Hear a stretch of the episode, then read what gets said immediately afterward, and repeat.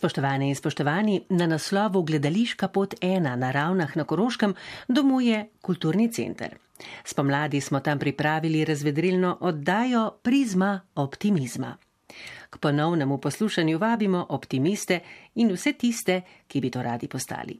Začenjamo z Big Bandom RTV Slovenija pod vodstvom Lojzeta Krajčana.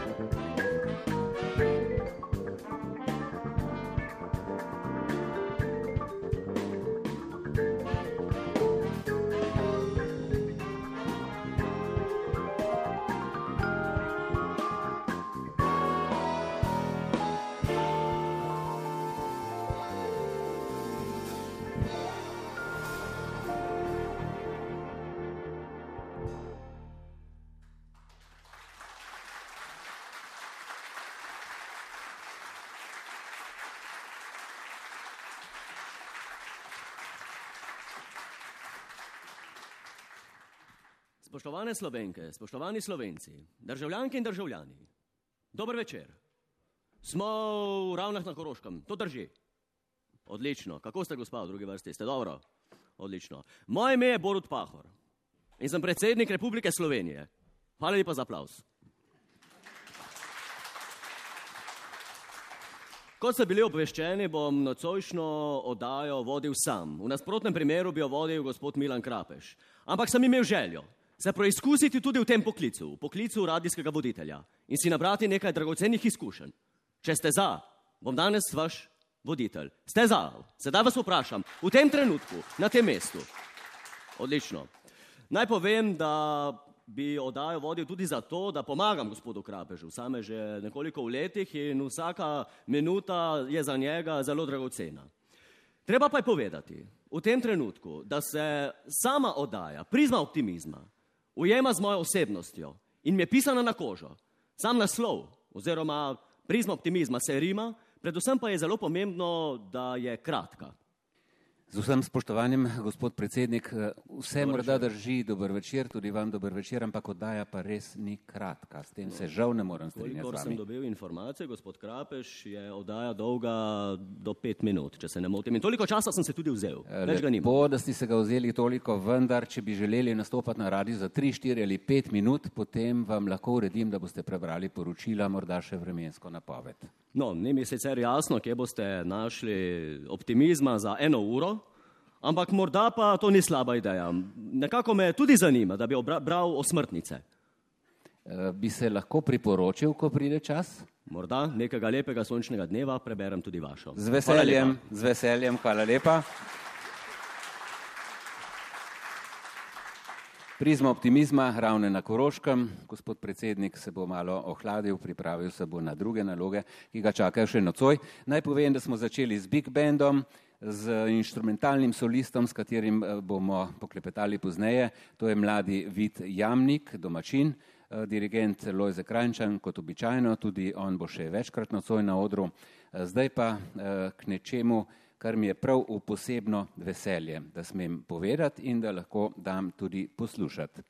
Nedaleč od tu v Šentanelu se je leta 1926 rodil izjemno zanimiv gospod.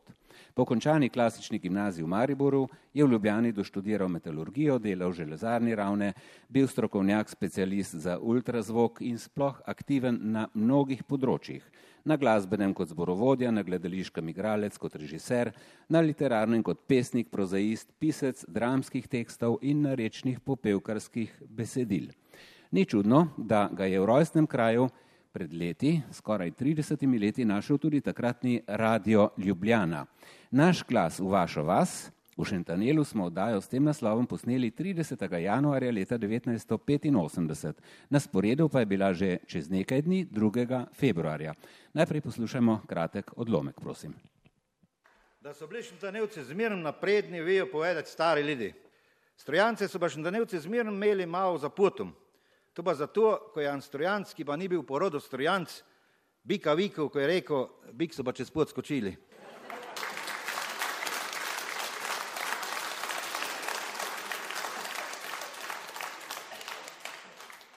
So pa v Šandaneju kup stopili geometer, pa inžener, pa še Aden, ko je se kolav trenoso, so pa šli na stojno Eisenpon mirt. Pa še Šribarja so vzali zravno, da je bolj fajn zgodavo. Strmine so že hude, pa je pa tak naneslo, da je štrek na švag lih čez pokržnikov ohar. Veda, bi mrva štava bek, pa še zdaj po zimi, pa se je pa začel antvat. Inženir je trdil svoje, da je pač mora tak bit, geometer je že malo popustil, da bi Šribar je pa materi namignil, da bi za parko Abas pa za neki jajc mora le prestajali štrekno. Cel dopuna so antvali, dokler niso podpisali protokol, ker se je reklo, da bo Eisenpon šel pod štavo, kar pa košta pet kil špeha, dvajset Abas, štirideset jajc pa dva lita črnicuca. Vse kup so komisijsko prevzali, pa spravili svoje rukzake, pri Janežu pa ablifrali svoje vampe.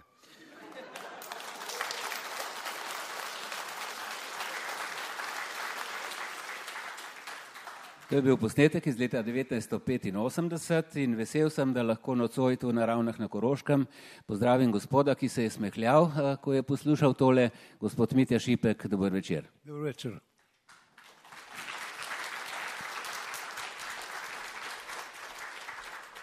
Vem, da ga ne poznate samo domačini in korošci, da ga pozna Slovenija, eh, pa tudi ki je čez eh, kakšno našo mejo. Se morda spominjate tega snemanja, malo manj kot 30-28 let je, eh, takrat je bil Vili Vodopivec naš urednik in tudi pripravljal to oddajo. Vam seže spomin tako daleč ali je bilo teh nastopov enostavno preveč?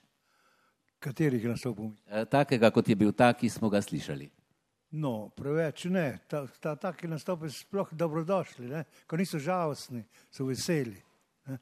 Drugače pa, ja, mene pa tako ali tako, zdaj sem že sicer malo bolj star, no, samo 87 let sem star. In uh, me pač najdejo še pa reče, a boš kaj povedal, boš kaj za, še zapel bi, uh, pa tako naprej. Skratka, zato tako dolgo živim, ker imam kaj delati lepo. Eh, človek bi rekel kar le tako naprej, eh, sem prepričan. Eh, povejte v zvezi z jezikom, z govorico. Tudi sami ste, moram prebrati, ne bom napak prebral. Mm, Svetneči Gašpr, ta prežihov lik ste uprizorili 1227 krat. Meni je to nepojmljivo in ne vem, kam ste in kako ste spravili vse te uprizoritve v svoje življenje, v svoj življenjski urnik. Ja, ta svetneči Gašpr, je, to je po narejen, oziroma napisal sem ga po Vorančevi noveli Pot na klop, to je nekakšen, eh, kaj že, eh, Cankar je napisal eh, tega le, kaj je že bil, hlapec Jrnej, ne? to je pa koroški hlapec Jrnej. In sem rekel, da to pa moram dati ga na, na odr, sem napisal pa dramo. Pa sem pa mislil, kje bom dobil pet dobrih igralcev, sem se napisal pa monodramo na, na sebe sem se najbolj zanesel. In, in uh, ko je bo treba, pa, se pa obležava nekje v nekladljcih, ko je bo treba za te praznike, kaj že, ja, kulturni praznik, dati en program, takrat je bil še doktor Sušnik, naš veliki literat in tako naprej, živ. Je, je pa nekdo rekel, ja, kaj pa če bi dali šipko monodramo Potna oziroma uh, Svetneči Gašpr. No in uh, on je pa rekel, ja veš, što so gledali samo drame, monodrame, sploh ne poznajo, eni bojo mogoče všeč, drugi popluvali, skratka, bal se je. No pa vseeno, ker ni bilo drugega teksta, smo pač naredili in sem naredil tukaj uh, tole prvo dramo, prvo porni nastop te drame, pa je užgala. In ljudje so jo radi poslušali, in tako je nastalo, da, sem, da je Gratel poltal že 200, pa še ne, nekajkrat pred, predvajal, samo opaste, ne celo. Ponekod so bile samo odlomki za kako preditev, zato je Gratel teko, ne? ker ta že 250 je vsak dan eno ali pa dve nared. Povejte mi, gospod Mitja, eh, do svojega 87. leta, Kako ste prišli bolj s pomočjo tega, da ste metalurg ali da ste kulturnik, na kratko povedano? Ja, pesem je v naši rodbini, Luka Kramolc je bil bratranc moje matere. Torej tam je doma pe, ma, muzika, uh, z tem teatrom sem se pa srečal tu na ravnah in uh, sem pač začel delati in mi je tudi nekako uspevalo. Kar se pa stroke tiče, Takrat, leta 52, sem se zaposlil, takrat dve leti prej se je pa ultrazvok v svetu pojavil za iskanje tu, tistih napak, recimo v Jeklo. In meni se je dopadlo, pa sem začel, sem ga upeljal v Jugoslaviji, pa in če še danes se zgodi, da kje kaj poč pa pride, pa reče, pomagaj. Vedem pomagal, če sem jim prej obljubil, da bom. Lepo, odlično. E, to sem hotel reči, e, ali je kultura tisto, kar nam bolj pomaga preživeti, ali je kaj drugega. Ja, vsaj za me moram reči, če bi ne imel te možnosti, da bi se s kulturo ukvarjal, bi me upal res dolgocajt. Dolgocajt ne bi bil za druge, sam sebe bi še nekaj že prenesel. E, je pač tako. To je pa edino, kar se vsem še lahko slovenci pohvalimo. Poglejte, šport, maze, ma, ma, ti namaze, znana po vsem svetu, mi smo pa znani po pesmi po celem svetu in uh, na to sem jaz ponosen. Drugo bomo pa že predevali, če bomo kup držali. No. Odlično, hvala lepa.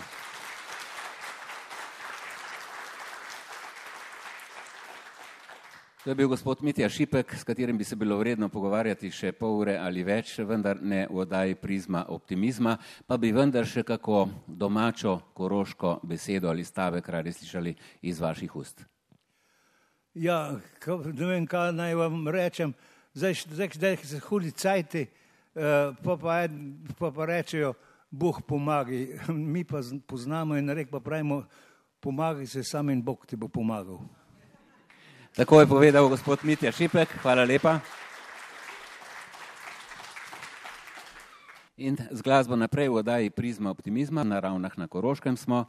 Big Band, dirigent Lojze Krančan, naj prosim pride kar za dirigentski pult in eh, s prvo skladbo se bo nocoj predstavila skladbo Verujem v pravljice Irena Vrčkovnik.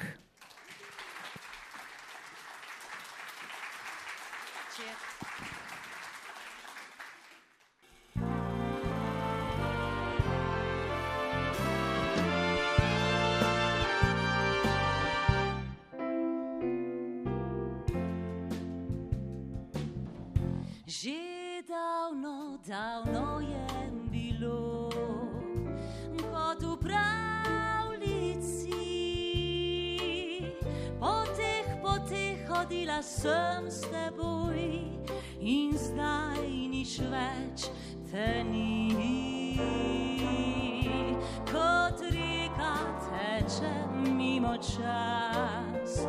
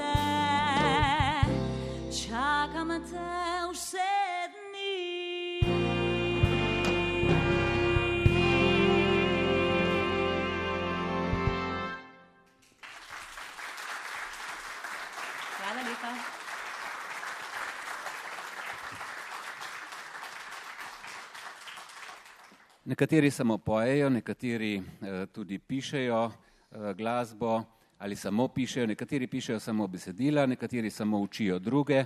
Irena Vrčkovnik dela vse to. Kako je to mogoče? Nekaj človek mora početi. ne, uh, pač sem glasbenica že od malih nog in uh, sem se pač poskusila v vseh stvarih. Ne. In sem začela najprej seveda z otroškimi skladbicami, potem skladbe za sebe, potem za druge. Um, zdaj jaz pač ne morem soditi, komu je kaj všeč, ne. jaz pač pišem kar jaz čutim. Ja. Harmonika je še kdaj na vrsti ali se je to nehalo v osnovni šoli? O ne, na zadnje sem jo pa držala v rokah, ko sem dosegla tretje mesto v veleslalomu glasbenikov, prosim. Čestitamo. Tekmovalcev je bilo eh, več kot trije so bili. Ne? Ja, no, eh, sedem žensk. Najkar smo razdeljeni ne na moške in ženske, ne, zdaj pa moški so po letnik, letnicah eh, razdeljeni, jaz sem pa veteranka, najstarejša tekmovalka in dam vedno vse od sebe. Razen smoči. Irena, učite, veliko mladih gre skozi vašo šolo. Kako jih vidite? Se je treba kaj bati za vokalne solistke, soliste? Jih imamo dovolj, jih imamo preveč?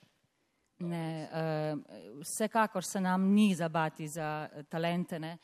Res je to, no, da jaz učim predvsem otroke. Ne, uh, pač.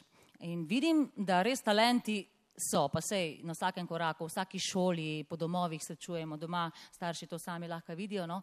In mene ni strah za prihodnost eh, dobrih glasbenikov, o, sigurno pa je res nekaj na temo, kam se potem usmerijo, ko je puberteta, se marsikaj dogaja ne, in kam se usmerijo, katero smer, eh, če je tukaj še šola prisotna, se pravi, da se glasbeno izobražujejo, iz, izobražujejo je to seveda eh, še dodaten plus ne, in seveda dobrodošlo.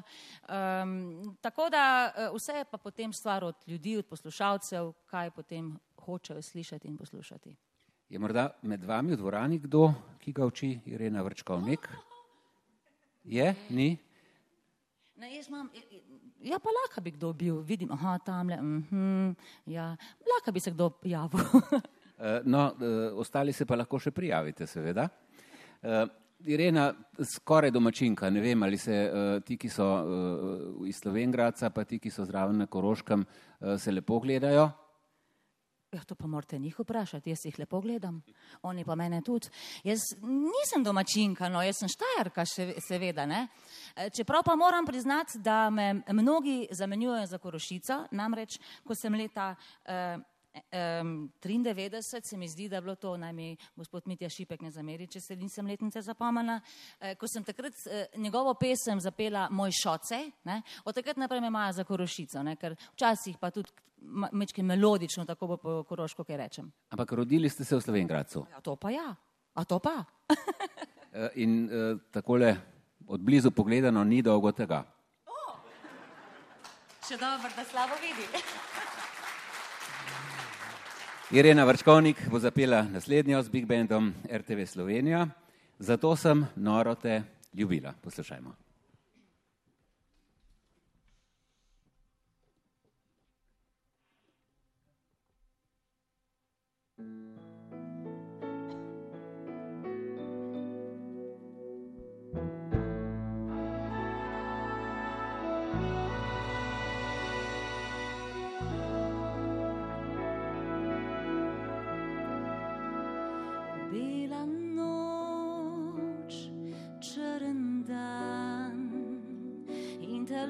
Telo ti zacveti od ran. Pride čas, ko ne veš, kdaj še kar živiš in kdaj umreš. Zato sem nora te ljubila da bi ob tebi pozabila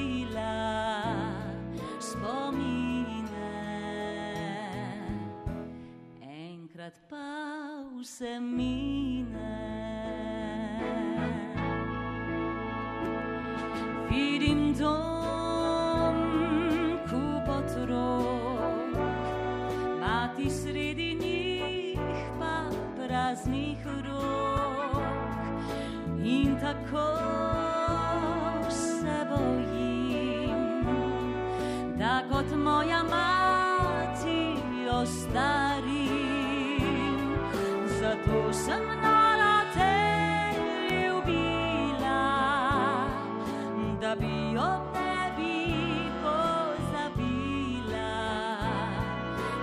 me.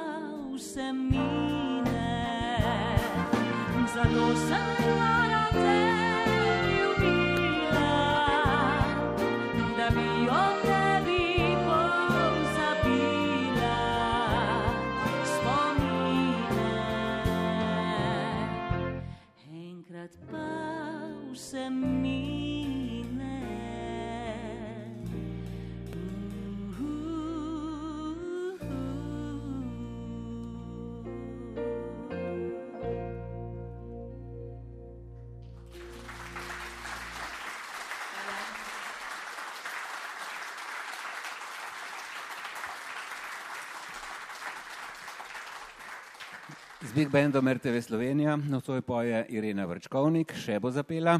Zdaj pa k instrumentalnemu solistu, ki je z Big Bandom že začel tole oddajo, pa ga nismo še eh, posebej predstavili. Poznate ga pa vsi, saj je domačin. Nima še 20 let, to je Vid Jamnik.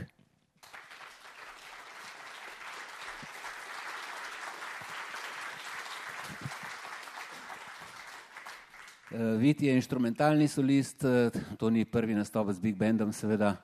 Ne. Je, smo že imeli kar nekaj nastopov skupaj in mi je vedno, vedno znova veliko veselje nastopati s takšnim odličnim bendom. Odlično, uh, zdaj pa bi takole začel. Veliko otrok začne s ksilofončkom ali skoraj vsi. Ti si stopil veliko korakov naprej. Kaj se je zgodilo in kako, da si postal vibrafonist? Začelo se je v nižji glasbeni šoli, tu na Ravnah na Koroškem. Uh, in sicer je bilo nekakšno na ključe, smo bili malo pozni na upis in edina prosta mesta so bila še na klavirju in tokalih. Sicer takrat nisem imel nobenih posebnih uh, ne želja, okay, to, ja, ampak uh, nič mi ni bilo bolj všeč kot drugo, ampak sem se nekako odločil za tokala in začelo se je najprej z malim bobnom, potem s ksilofonom, ampak ne takšnim otroškim, ve, večjim uh, kompletom bobnov in šele v tretjem letniku sem prišel prvič do vibrafona in njegov zvok mi je bil takoj zelo všeč, potem pa sploh, ko sem prvič spoznal Boška Petroviča, ko sem slišal uh, vibrafon v jazzu, je bila kombinacija popolna in sem ostal pri tem. Zelo mlad si začel z uveljavljenimi glasbeniki. Jaz sem imel srečo, eh, da sem lahko nastopal v boku ja, številnih priznanih glasbenikov in velika zasluga za to gre uh, absolutno Boško Petroviču, ki mi je dal uh, številne priložnosti za nastopanje s svojim trijom uh, in drugimi zasedbami po številnih odrih na Hrvaškem, Sloveniji, v Italiji. In ja, sem zelo ponosen, da sem lahko, uh, da sem ga poznal in da mi je omogočil vse te nastope. Vid tistim, ki še igrajo ksilofončke, ne, je pa vendar treba povedati, da ni samo eh, nižja glasbena šola, da je treba še kaj. Ja, so še. Kje si se šolal sam in preko? Uh, sam sem po nižji glasbeni šoli izobraževanje nadaljeval na Koroškem državnem konzervatoriju v Celovcu uh, pri sicer jazz pianistu, ker posebej programa za jazz vibrafon tam ni bilo, ampak sem nekako kombiniral jazz, vibro, jazz klavir s klasičnimi tokali, pa se mi zdi, da če to zmešaš, nekako dobiš ven jazz vibrafon. Seveda pa so potem še, še akademije za glasbo, so še magisteriji in ja, stremim k temu. To so načrti, je še kakšen cilj malo bolj oddaljen, kje se vidiš čez 5, 7, 9 let? Ja, prvi cilj je nadaljevanje šolanja v glasbeni smeri, uh, seveda še prej zaključek zadnjega letnika gimnazije, uh, na to pa, če bo vse po sreči, nadaljevanje šolanja v Ameriki uh, in seveda igranje, nastopanje, turneje. Tako. Poleg tega, da igraš, se izobražuješ, si tudi neke vrste organizator glasbenih dogodkov tu na ravnah bolj soorganizator, ampak sem vesel, da lahko sodelujem ja, pri oblikovanju uh, Jazz Abonmaja, Jazz Ravne, ki je, letos, ki je letos že v šesti sezoni, oziroma se že zaključuje šesta sezona. Lepo, vidite, že nervozen, palčke so v rokah, bi že igral, ampak treba je bilo povedati uh, nekaj besed več za tiste, ki ga še ne poznajo. Eh, in upam, da smo koga tudi uspodbudili za tile dve palčki in takle krasen instrument. Pa če smo se še kaj naučili iz te pripovedi, eh, včasih se splača malo zamuditi, ne? tako kot je vid naredil v glasbeni šoli, eh, pa se potem iz tega izcimi kaj zelo, zelo prijetnega. Poslušajmo torej Big Band RTV Slovenija z dirigentom Lojzetom Krančanom in instrumentalnim solistom Vidom Jamnikom.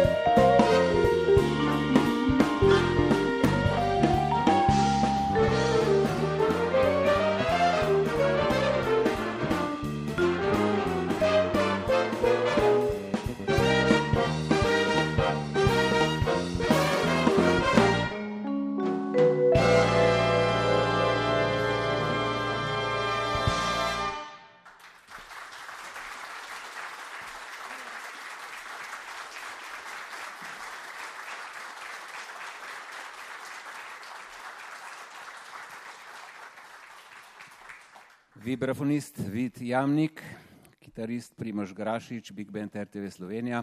Še jih bomo poslušali nocoj.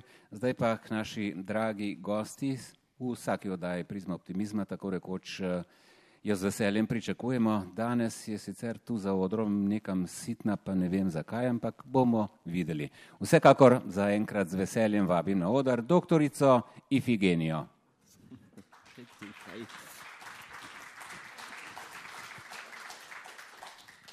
Dober večer, sem zelo vesela. Ne, da. Dober večer, doktorica. Vse pogosteje slišim, Eh, oddajo bo vodil, morda jo bo vodil, če ne pride predsednik, potem je celo prišel predsednik. Eh, pravzaprav ne vem, kaj se dogaja, vi ste bolj v teh vodah, eh, ne samo psiholoških, tudi ozadja poznate. Ja, se kaj dogaja, česar ne vem, kar mi je šlo? Ja, se dogaja, vidim, da ste malo že zaskrbljeni. Zadnja informacija je, da bo nova urednica oddaje Prisma optimizma moja sestrična. Doktorica kinologije, tako je. Doktorica Fifigenija. Fifigenija, tako je. Fifigenija bo urednica oddaje Prizma optimizma. Ja, nekako eh, taki časi so, ne bi rekla temu, da so pasi časi in uh, se mi zdi, da v teh težkih časih kinologi dobivajo na teži. Ne, Me nič ne moti, če pridobivajo na teži, saj tudi malo močnejši ljudje so zelo simpatični, ampak da bi urednikovali. No, zna se zgoditi tudi, da bo voditeljica oddaje Prizma optimizma. Vodila, vodila bo oddajo. Vodila. A na povodcu, na sprehod, mogoče kinologinja je vendar. Gospod voditelj, veste, vi pa ta vaš vaše eh, razumevanje aktualnega trenutka. Deva se lepo pomiriti, ne zvale na odru, ljudje naj jo poslušajo, v dvoranih je tudi kar nekaj, deva se pomiriti. Ne, deva se ampak, eh, ampak oddaja bo pa še vedno prizma optimizma, tako da naslov se rima, tudi predsednik je rekel, da mu je všeč. A ja. No, ja. Se strinjam, to, da, je, da se naslov Rima, to je zelo lepo, eh, se mi zdi zelo simpatično, ampak uh, je pa rahla spremembica. Ne, ne bo več uh, prizma optimizma, ampak bo prizma nepotizma. Ne, ja, super, pa še svojega prijatelja Hribarja pripeljte, pa njegovo sestrično Dolinarjevo. Pa... Ja. No, sestrična dolinarjeva žal ne more priti. Ne? E, gospod Hribar pa je nekje tukaj in če se ne motim, se nam bo čez nekaj trenutkov pridružil na odru. A že nocoj. Že nocoj. Takole se gremo. Ne torej. jutri in ne pojutrišnjem. Uh, potem pa hvala lepa, doktorica Ifigenija, vaš nastop se je pravkar zaključil. Če se gremo tako, bom pa jaz poklical sojmenjaka. Naj pride prosim na odr Milan K. Hvala lepa, doktorica Ifigenija.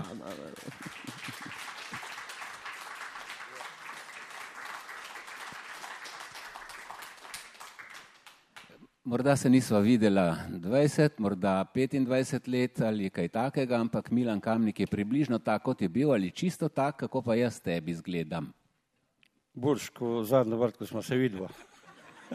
Ja, poslušali smo posnetek, eh, na katerem je bil gospod Mitja eh, Šipek in eh, pravi Milan, sej menda sem bil v Šentanelu tudi jaz zraven takrat.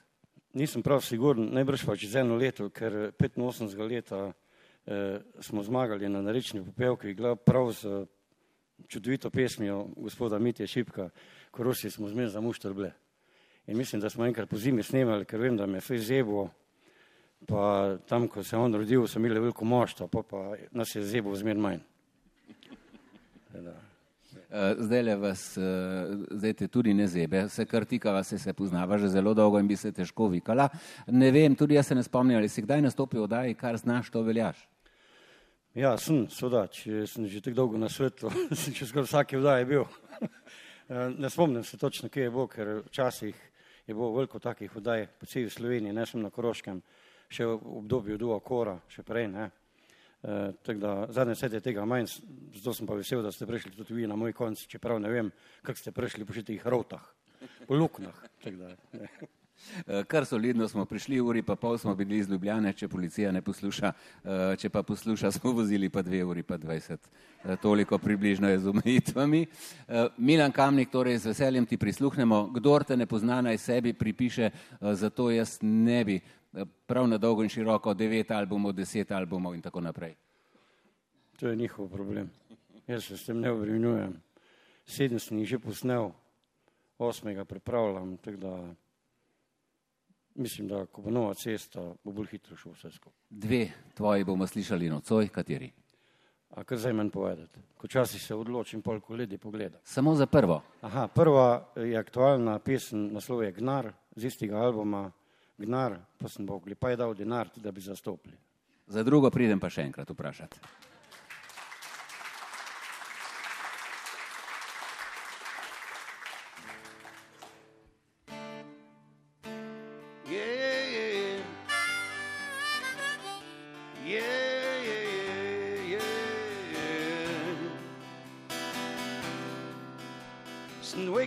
Gnar je bil dolžen, pa državi obresti. Pankol nisem bil, za del štega oresti. Zmen radi so me imeli, ko sem hitro priznal, da vsega se spomnim, da sem zadal. V kuo me ne bo veko sumljivih pagajc, ko sebe sem škodil, že nisem bil kšajt. So obljube držali mesec ali dva, marskiri življenju ni bil zakaj. Brez glave po svetu pa hoditi ne smeš, po nočni si v vržeh te najdejo grid. Samih ne kradljivce so bolj trdi špampti, je slab škure krasko, pa firme pa banke. Je, je. Brez glave po svetu pa hoditi ne smeš, ko neč nisi v vržeh te najdejo grid. Samih ne kradljivce so bolj trdi špampti, je slab škure krasko, pa firme pa banke. Je. yeah, yeah, yeah. Yeah, yeah, yeah, yeah. Sem bil kandidat na venčih volitvah, mislim pa v cirkvi, prav še molitve. Da bi bil bolj hiter, sem kupil si skuter, sem prišel si gr, da sem koj kanon futer. Hodiš to bi mlade, če vse gre so grunt, položen se pufi, da ne vidiš se on. Ljubezen prijatelji so najboljše rcnije, da poštenemu sonce zmirn posije. Brez glave po svetu pa hoditi ne smeš, ko neč nisi v vržeh ti najdejo grih. Samih ne kradljivce so bolj trdi špamti, je slab škure krasko, pa firme pa banke. Je, je. A življenje je vredno, venčko pa gnar, resnica rodovom je vredna zlata. A življenje je vredno, venčko pa gnar, resnica rodovom je vredna zlata. yeah, yeah, yeah. Yeah, yeah,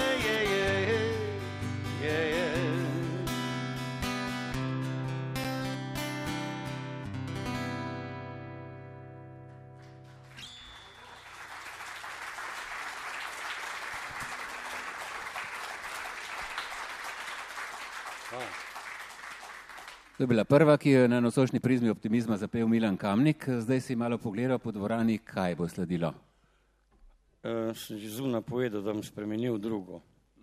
Uh, prav zaradi tega, ker tu sedi Mitja Šipek, bom odpel eno pesem, ki me je prav fascinirala, oziroma zgodba, ne? sama zgodba, ki je že tudi Mitja prepovedal. Uh, to je novela Prižihova, novela Pot na klop in seveda tistih več kot tisoč njegovih uh, monodram enkrat sem bil na njegovi monodrami, pa sem rekel, hudič, to pa jaz enkrat v življenju zapel. Ne. E, in jaz to ne štejem, kaj kokrat, jaz ne verjamem, da bom to že 200 barč tu zapel v življenju, Uh, rekel sem pa, da, da to je treba narediti in to bo pač en, bom rekel, en prehod v mojem življenju, uh, da sem začel drugače uh, prebirati voranca ne? in uh, posledično tudi uh, na nek način ohranjene ekološkega narečja na moj način. Za poslušalce prizme optimizma, za vas v dvorani in seveda še posebej za gospoda Mitjo Šipka bo zdaj le zapel Milan Kamnik.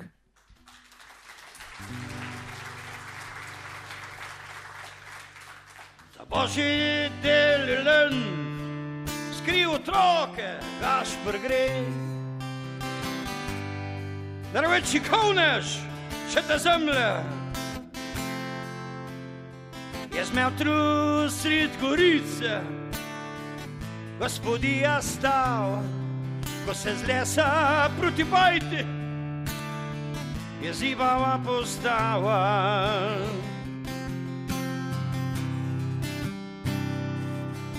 Pa sem mrmru skozi ruse, ja užnik. Čudna reč, če gaš prpen pride za vsak slučaj je usodo matrnik. Za njega bo že dober, da le kisuje, no da zažge.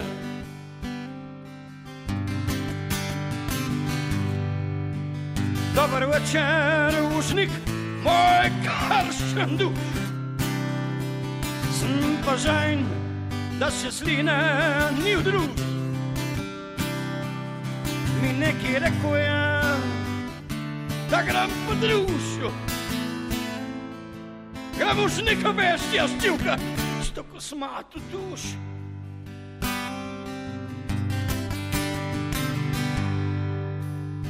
Je gaš prulil, da še grtan ni premaknil.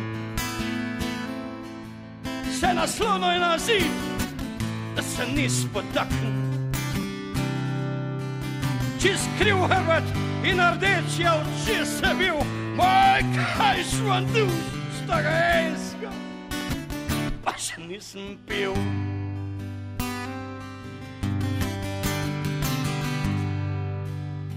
Už nekaj vidu, da je gašpr poln, svetneči gašpr, grdiha če poln.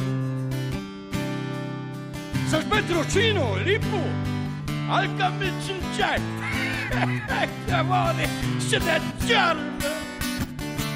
Moš tadaj, polnoči hotel čikat, še to pa. Se zjutraj prišli, gospod, odvezo da. Pa še poleklev, ko je župnik šel pa kuham ga potegnil, kaj kar je mal, a je šlenc. Sem kranc, dve klampi, pa cepin. Pa dve si kiri bredi, na na tu je stroške in. Samino se naveden, na budar. Se gaš pre naslonu, ver na pojster in umrl. Za mino se noben ne bo dar, se gaš pri naslonu, ker na pojšter in umrl.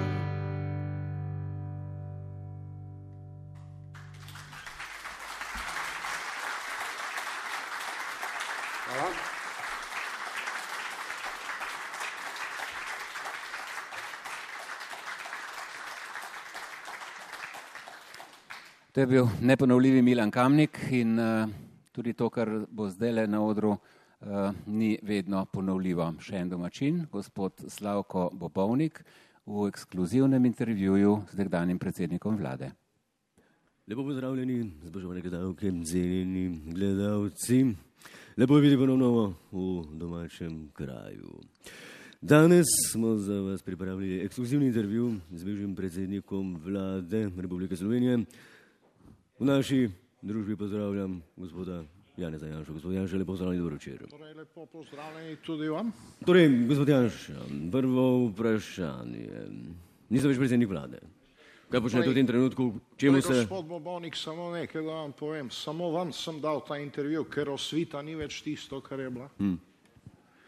Ja, bil sem premijer, bil sem predsednik vlade, zdaj pa seveda so stvari nekoliko drugačne. Imam več prostega časa. S čim se ukvarjate? Kaj počnete? Zjutraj vstanete, predvidevamo ob kateri uri? Sedmih, Zjutraj vstanem, jaz sem vstajal normalno ob sedmih zjutraj, vendar ima Urška nekega petelina, ki začne kokodakati oziroma kikirikati že ob štirih, tako da vstanem pred njim. In se pospnem na en velik kup gnoja, kjer zapojem eno domačo pesem. In tega vi ne objavljate. O tem je beseda nacionalna televizija, nacionalni radio, nikoli ni to posnel. Zmeraj samo ti strici iz ozadja, gospod Bobonik, pridite enkrat zjutraj, zmigajte rit vaša televizija, boste videli, kako prepevamo štirih Gospod zjutraj. Janša, dobro, dobro, že v redu. Hvala lepa za to povabilo, zagotovo bomo prišli. Tega pravi nismo vedeli. In... Seveda, to bi rad videl. No, potem, potem No in eh, potem kaj počnete? Imate zajtrk z družino? imamo zajtrk, potem grem k spovedi, imam eno osovo, kjer grem k spovedi, povem, kje grehe imam in potem stopim na drugo stran, si pač to odpustim. Mm. Seveda in delam hkrati pokoro in ti vi v tem, No, da ne, recimo pokora, kako izgleda pokora, ko si jo zadate. pokora, že, že to, da mi nekdo reče, da obstajajo v Sloveniji murgle. Že to je pokora. Mhm. Že to, da vem, da te stvari sploh obstajajo gospod Janša, vendarle murgle obstajajo. To so nespodobine dejstva. To, to, to so vaše domneve. Morda obstajajo na nacionalnem radiju, na nacionalni televiziji, na čem drugom pametni ljudje tega ne vidijo. No in potem z Urško imamo zajtrk, Kaj je za zajtrk, recimo? za zajtrk imamo zelo tako preprosto hrano, da lahko po zajtrku pojem. Mm. Ker mi pojemo psalme, že do desetih dopoldne pojemo psalme, te seveda nacionalna televizija ne poroča. Mhm. Potem se ukvarjam pa z etičnimi, moralnimi, naravovarstvenimi vprašanji, ukvarjam se z uglednimi stvarmi, s častnimi stvarmi, s ponosnimi stvarmi. No dobro, gospod Janša, ko smo ravno pri ponosu, ko smo pri častnih upravilih, dejanjih, uh, dobili smo informacijo, gospod Janša, da ste pred kratkim dobili njegovo visoko priznanje za socialni čut. To drži. Lahko poveste kaj več o tem priznanju, kdo vam ga je dal po... To je priznanje, ki to verjetno vam ne bo to ime nič pomenilo, pomeni pa seveda razvitim narodom v Evropi marsikaj. Žan Paul mi je dal Ne, to Paul. nagrado in sicer je šlo za to, da sem med delavci Vegrada in Hildo Tošak najdel nekšno razmerje, tako da so oboji sedaj zadovoljni. Oboji jočejo od sreče. Mogoče bolj natančno, kako to Zelo izgleda. preprosto. Lahko pišete. Hilda Tovšak Ja. je obsojena na leto in pol zapora, nekaj takega, vendar sem mi povedal, Hilda obsojena boš na vsaj 200 let zapora, Mhm. ko bodo stvari jasne. Zahteve je 300. Mhm. Ja, Seveda ona v začetku ni vedela, zakaj gre. Potem sem šel pa do delavcev Vegrada Mhm. in sem rekel, kaj če bi vi odkupili zapor od Hilde Tovšak, greste vi v zapor in ona na prostost, ker vam bo bistveno boljše. No, kaj- Bistveno boljše vam bo. Gospod Janša, na kakšen način boljše. Lahko to... Ja, hvala to. Hvala lepa. No, pravi, gospod Janša, če prav razumem, se pravi, delavcem bo bistveno boljše, imeli bodo top, top v obroku, vsak dan Nekaj bojo imeli, Hodili bodo v krogu. Imeli to so bodo- stvari, ki, ki jim pač pripadajo, tega zdaj sedaj nimajo. In ko sem jaz to omenil, Hilda je Hilda zdaj predlagala javnemu tožilcu, da zahteva 400 let zapora za njo in zdaj seveda boj med delavci Vegrada, nekateri bi radi preko ves kupili kar dve leti. Dobro, Ne, Janša, Za eno leto garantiramo, za dve leti ne. imamo tudi posnetek eh, delavca, delavca Vegrada, Halisa Familijem, Hazila sem velem, Hamira Sal- Salinoviča, pa bi prosil, da poslušamo ta posnetek, prosim. Lepo prosim, vesel sem, jaz Hildo nisem maral na začetku. Pobrala nam je ves denar, ali smo razumeli, ženska rabi. Ali drugič, imeli smo hišno, ali imeli smo več druge stvari, ona nam je vse pobrala. A tretjič, ko nam je pobrala, da nismo imeli več za živeti, nismo imeli kje stanovati, nismo imeli kaj za pit, kaj za jesti, Hilda nam ponuja leto dni v dobu, povedala nam je zjutraj hrana, potem hoja v krogu, kino, voda brezplačno, drugi obrok, malo se sklopamo popol, to je nekaj normalnega, a večerja, a za uzvrat Hilda ide nazaj v svoj raj, ki ga ima na kroški.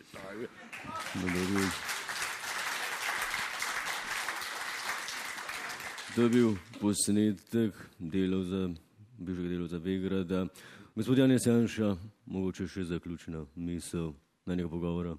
Kaj boste danes počeli zvečer, ki se Torej, boste danes- pili kot petelj in boste na gnoju? No, zvečer, zvečer so seveda družinske obveznosti, ki po 50. letu seveda niso več tisto, kar so bile. Tako da imava z Urškom večere teorije in eh, se pač razumeva, kot se pač razumeva, potem gre Urška spat, jaz grem gledat pa posnetke iz leta 1991.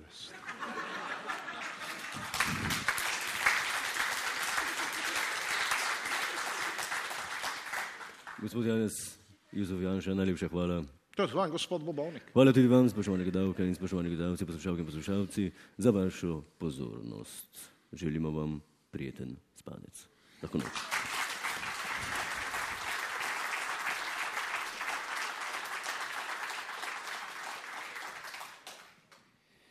Nekateri tu za odrom so prepričani, da so na odru prizme optimizma na ravnah na Koroškem videli Tilna Artača in Saša Hriberja. Jaz ju nisem srečal.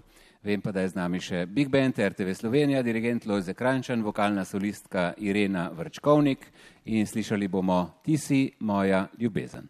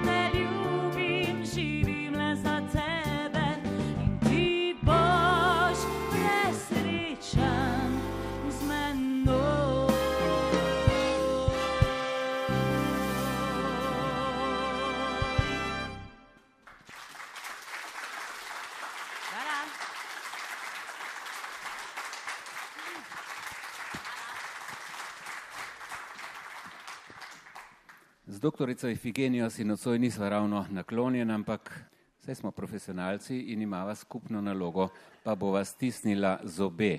Ja, tako je. Dober večer še enkrat. Kar- večer. A greva kar malo v dvorano. V dvoranco. V dvoranco ja, pejva, greva. Pa počas po stopnicah, a ne da. Še tam le na balkončku so ljudje, pa prej nisem opazila. Ne. Pa zelo Ja, lepo, ampak, pa še eh, njim pomahati treba. ne. Mahamo lahko, težko bova zlezla gor. Ja, bo vam, vam bom jaz ravbrsko dala. E, poiščemo, poiščemo nekoga, nekoga, tam le se prav lepo smejita. Dva. Eh, Kviz, vprašanja, težka vprašanja za obiskovalce imamo Izjemno kot običajno v oddaji Prizma Če optimizma. pa lahko gospod voditelj, nagradica je pa tale eh, nahrbtnik. Aj kaj noter? Režimski je, nekako rdeče barve, moram reči, da Radio Slovenija, prvi program, pa ena, prvi. ena zgoščenkica. Kaj pa CD player, ga pa ni. CD player pa, ja, bo treba pa to. Eh, Iščemo nekoga, ki ima doma eh, napravo, ki razume CD plošče. Pa nekoga, ki hodi v hribe, ne, da, Ja. ali pa v šolo, da mi vidim mlade otroci, ne, da dober večer, ne tako. Mogoče kdo ima doma CD playerček, dajmo rokce gor, zakaj smo pa tako boječi, no? Ja, tamle je. gospod, Tamle je gospod, če vam ni težko, lepo prosim, a lahko vi pridete do mene. da, da se nađemo na pola puta. Tako. Hvala lepa, dober večer, kdo ste, prosim? Franc Rotar, Franc, domačin. domačin. Ja. Eh, Glejte, doktorica Ifigenija ima vprašanje za vas, nagrado za vas. Eh, Jaz vas podpiram in grem kar takole na vašo stran. Glejte, sva že dva. Torej, vprašanje se pa glasi. Kako pa je vprašanje, se sem pozabila. Smo na ravnah na Na Ravnah Koroškem, na Koroškem eh, kjer pa vedno niso bile ravne na Koroškem. Tako je, pred eh, 50 leti ali kako če se ne. Ja, kdor je od tu doma, bi skoraj moral vedeti. Kako je s tem? Kako Ja, Guštan, a ne, Guštan. je bil včasih. A je to kaj pomenilo? Je to eh, samo krajevno ime ali je Ne, Guštan, eh, tudi tu so bili včasih nemško govoreči in tudi lastniki eh, železarne. In ta Guštan je nastal. In če gremo eh, danes v gostilno eh, Lečnik, kjer so stare freske dobre, ne, eh, tega kraja, starega trga Raven, ne, Guštanja. Eh, Valvazor je to zadevo naredil zelo dobro fresko in je tam vidna in tudi ta eh, pisava gotska v Guštanju, to se pravi, eh, to je ta zgodovina, koliko jo jaz poznam. Ne. Eh, Ta odgovor je bil za 300 nahrbnikov in 700 CD-jev, eh, za začetek en nahrbnik pa en CD. Hvala lepa. Izvolite, pa Hvala lepa. poslušajte glasbo z guštom, a ne da. A zdaj pa mogoče, eh, hvala lepa, gospod voditelj, jaz predlagam, eh, zelo aktualne so zdaj te črne gradnje, a ne da, pa mogoče bi dali pa nagradico nekomu, ki ima kakšno črno gradnjo, a ima kdo črno gradnjo v dvoranci, dajmo rokce dvigati. Gledava, tudi balkon velja. Ja. Na balkončku kdo črno gradnjo? Ali pa recimo na nezazidljivi parcelci, vse je tudi to v redu, kar dajmo. Noveden. Zakaj? Jaz sem pa mislil, da bo pa kar nekaj ljudi rok. A ima sploh kdo kakšno gradnjo? Ja, Nihče. to je pa zelo čudno. Nihče. Eh, Tudi vi ne? Ampak dajmo, gospod Ja, voditelj. imamo eno hišo. Ja. A lahko nekaj predlaga? Lahko. Otroci so najbolj iskreni, bojo povedali Ja. po pravici, če imajo kakšno črno gradnjo. Gremo Ne bo vprašati otroke, tamle, v drugo to vrsto. najboljša. No, in zdaj smo tukaj pri uh, manjšem od dveh otrok, ki Tako, sta ja, tu. bratca. Eh, predstavita se pa oba, prosim. Uh, Luka, Vito, V sorodu. Uh, vrata smo. Brata, Uh, kaj pa ti, tudi brata? Ja. A sta tudi brata? Oba sta brata drug drugemu. A, zanimivo. bo odgovarjal mlajši, boste skupaj, lahko kdo pomaga, si lahko pomagata? Uh, ja, zagotovo, če sta oba drug drugemu brata. Ja, si potem- lahko pomagata. Potem absolutno to Eh, potrebno. ne. imamo kakšno vprašanje za njo? Vprašanje, ja, jaz bi vprašala zdaj s tole črnogradnico, a ne da, ali imata zdaj črnogradnjo ali je nimata. Zdaj tale povedati. gospod, ki sedi zraven vaju, kdo je? Ja, oče. Deda. Dedi, uh, joj, zdaj pa ne bomo spraševali, ali Ama je dedi dede, zidal ama- na črno ali na dedek. belo. Na velo. Na belo je zidal, še preden smo vprašali, smo izvedeli, da so zidali na belo. Ja, v redu, potem pa dajmo nagraditi to belo, a ne da, če, če je vse tako, kot mora biti, po zakonih je pa treba tudi to nagraditi, a ne da, iskrene čestitke, nagradica noter je pa CD-ček, a ne da. Ruzak pa samo en lahko nosi, mogoče pa si ga bosta malo menjala. Eden dopoledne, drugi popovdne, Tako. hvala lepa.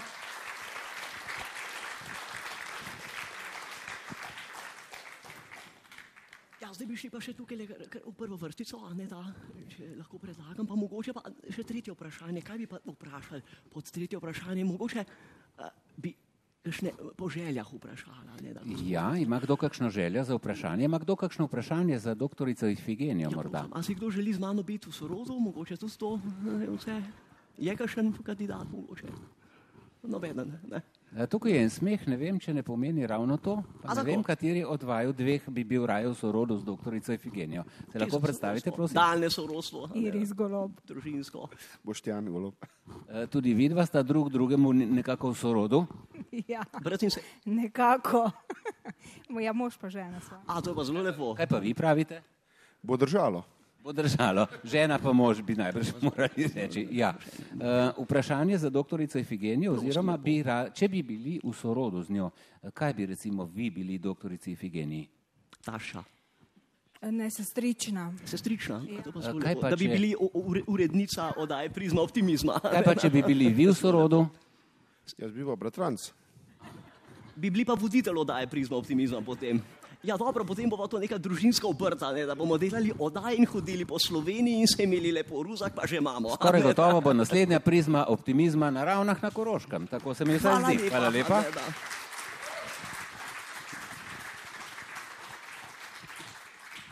Nadaljujemo z glasbo. Naj prosim pride spet Irena Vrčkovnik in eh, tokrat ne prihaja sama peti, ampak ima družbo. Uh, kdo še poje v naslednji?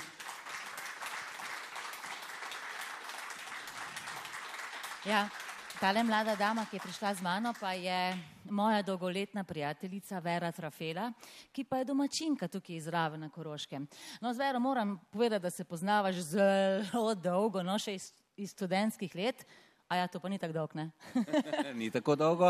Uh, za ta nastop skupen sta se pa zmenili kak mesec, dva nazaj. E, ne, tole pa moram tudi povedati. Namreč, e, ko sem se danes peljala sem na vajo, sem dobila preblisk, namreč jaz sem se že včeraj pač napovedala na obisk k moji prijateljici, ker že dolgo let jo nisem videla, njen- njenega sina in moža tudi ne. In sem rekla, danes grem na obisk, pa sem se rekla, pa ne, ne, ne, ne. Kaj pa, če bi ti z mano dan zapela tole pesemca, nora misel, ne? In sem do- dobesedno določila uh, in rekla, pet na YouTube, hiter pogled, na, nauči se prvo štimo in greva.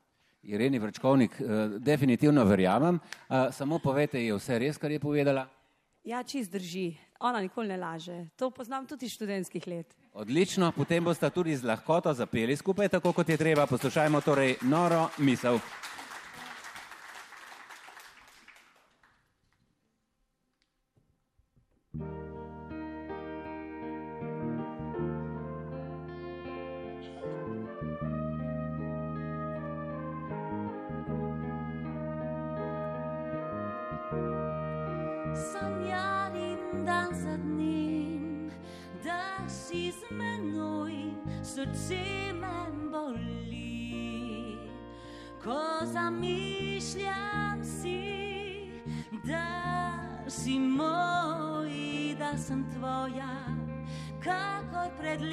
Dni.